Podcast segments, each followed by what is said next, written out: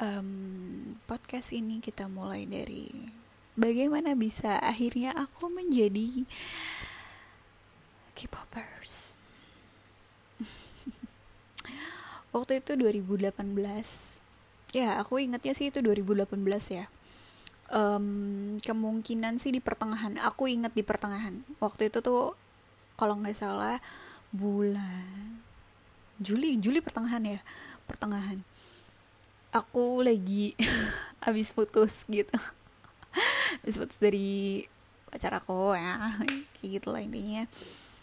Aku coba-coba um, nonton drama Korea. Kalau nggak salah sih seingatku sih memang aku niat mau nonton drama Korea. Waktu itu aku baru selesaiin Secretary Kim. Terus aku direkomendasiin buat nonton drama Huarang. Nah sebelum nonton itu kan aku pasti biasalah ya nyari review-review. Terus ternyata di drama tersebut kebanyakan adalah idol. Kayak gitu. Ya udahlah aku nonton.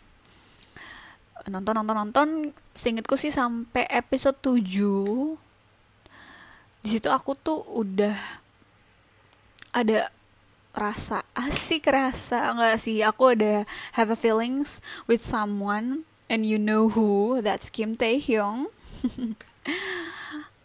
Oke balik lagi ke drama dulu deh. Uh, aku kenapa mau nonton Huarang karena di situ ada Park Seo Joon. Kan aku bilang sebelumnya aku baru selesaiin Sekretari Kim. Jadi aku pengen nerusin film yang ada dianya. Tapi ya itu tadi aku malah fokus ke yang lain si Kim Tae Hyung. Dan aku tuh nggak tahu dia siapa. Ya kan, aku nggak tahu dia siapa. Aku belum cari tahu. Nggak lama dari itu kelar episode 8 kebetulan Ria SW abis upload video lagi di toko merchandise gitu di Korea. Kalau nggak salah dia sebutin di situ dia nemuin merchandise ada gambar Suga dan dia sebut Jimin dan juga sebut V. Tapi di stiker di videonya itu mukanya sama orang yang ada di drama oh my god V. Siapa V? Gitu kan akhirnya aku cari tahu. Dan dia adalah idol dari grup BTS kayak gitu. Ya udah berlanjut akhirnya aku cari tahu sampai akhirnya um, the first song that I have heard from BTS itu adalah Fake Love. Jadi ya itu pertama lagu pertama yang aku dengerin dari BTS tuh Fake Love. Sebelumnya aku juga sering dengerin lagu K-pop tapi nggak sampai ngestand banget gitu loh. Karena tahun baru lulus sekolah SMA itu aku memang sudah suka sama Suju kan. Suka tapi nggak ngestand gitu. Aku dengerin semua lagunya. Lucu karena aku suka sama si Kyuhyun terus balik lagi ke V um, ya udah akhirnya berlanjut lanjut lanjut aku dengerin lagunya satu-satu. Um, masih Daniel sih sebenarnya waktu itu. Masih belum kayak yang belum minat banget sama K-pop gitu. Aku cuma dengerin karena aku tertarik sama si seorang Kim Taehyung ini. Akhirnya uh, muncul dong di apa YouTube itu. Lagu rekomendasi di bawah setelah Fake Club itu DNA pas aku dengerin tak, eh tunggu tunggu tunggu tunggu. Aku bilang kayaknya gue pernah denger lagu ini deh.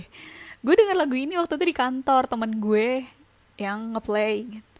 Oh iya aku nanya dong sama temenku ini kamu pernah dengerin lagu ini ya waktu itu? Oh iya.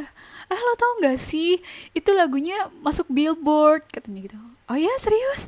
Wah keren banget ya. Sampai akhirnya ya udah aku cari artikel-artikel soal mereka. Dan ya ternyata memang mereka terkenal itu ya aku karena um, love yourself era era pertamaku. Jadi aku suka gitu. At least sampai sekarang aku suka paling suka sama love your you love yourself di bagian tears. Itu my favorite part. Aku suka banget. Dan aku ngestand terus-terusan.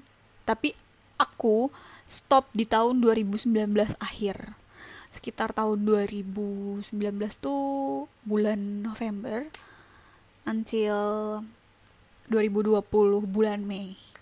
Aku nggak kayak nggak sibuk atau nggak fokus sama mereka sampai aku kaget kalau mereka itu ngeluarin album ya kan Map of the Soul yang Seven. Dan aku tuh ngerasa kayak ampun sedih banget gue nggak ngikutin aku sampai telat aku nge-reaction semua videonya aku aku shock banget sih karena waktu itu aku bukannya tahu soal albumnya dulu malah aku tahu soal lagunya si Menyunggi yang lagu itu loh Decita pas dia ngeluarin D2 itu aku tahu dari situ pas aku nonton video MV-nya di bawah rekomendasi YouTube itu ada lagu On dan Black Swan. Aku aku kayak kacau banget ya ampun kok gue ke mana aja? Kemarin kenapa gue nggak merhatiin gitu. So ya ampun aku bener-bener agak sedih sih sampai secinta itu gue sama mereka Uh, tapi kalau boleh jujur ya, aku yakin dari kalian semua, even kalian ngestem, ada nggak sih dari kalian bahkan beli satu merchandise-nya pun enggak, tapi kalian tuh bener-bener ngestem as a fans like nonton videonya, ngevoting aja gitu loh, sampai ya nge ngesupportnya buy online aja, tapi nggak bener-bener nggak beli apa pun gitu. Itu gue, gue banget. Ya aku jujur aja, aku nggak pernah beli merchandise mereka seperintil-perintilan PC cardnya aja aku nggak pernah. Album gitu aku nggak pernah aku nggak pernah beli. Dosa nggak sih? Bukan karena takut boros tapi karena kayak mungkin orang suka beli buat apa ya apresiasi diri mereka. Kalau mereka tuh mereka itu fans yang baik dan mereka ngedukung idolnya. Dan aku tuh sebenarnya sedih kenapa aku nggak bisa beli itu karena apa ya di dalam diriku tuh belum belum ada niatan buat beli apa pun gitu. Karena mungkin aku tipikal orang yang mut-mutan ya kan? Nanti aku beli buat apa? Cuman aku simpen kayak gitu. Padahal bisa buat kenang-kenangan kan?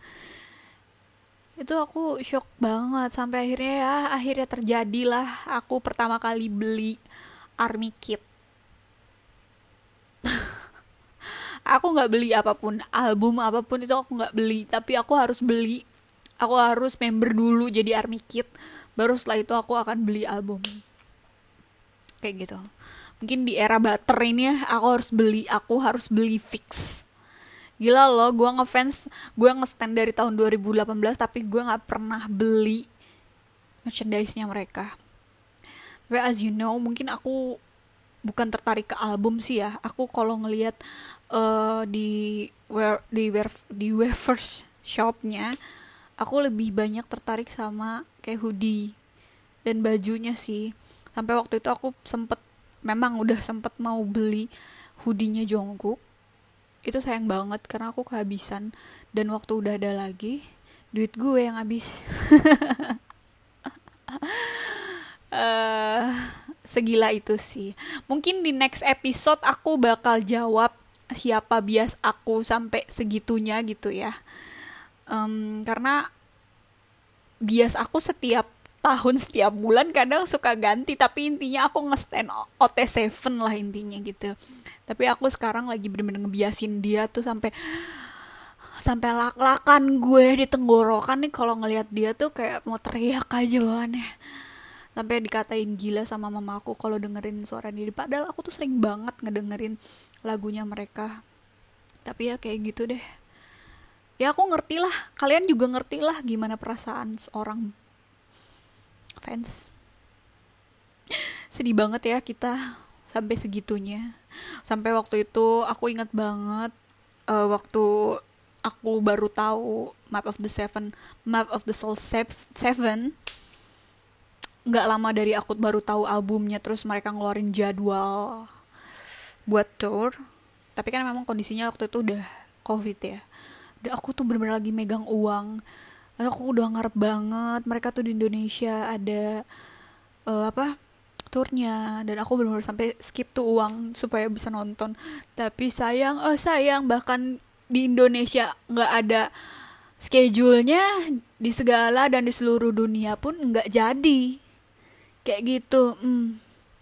ya udah akhirnya kita cuma nonton bang bang kon sama one concert aja kayak gitu. Mungkin segini dulu aja kali ya podcastnya ya. Next episode lagi ya kita ngebahas biasnya. Sampai segila apa sih gue ngebiasin bias gue nih. Oke? Okay? thank you Achilles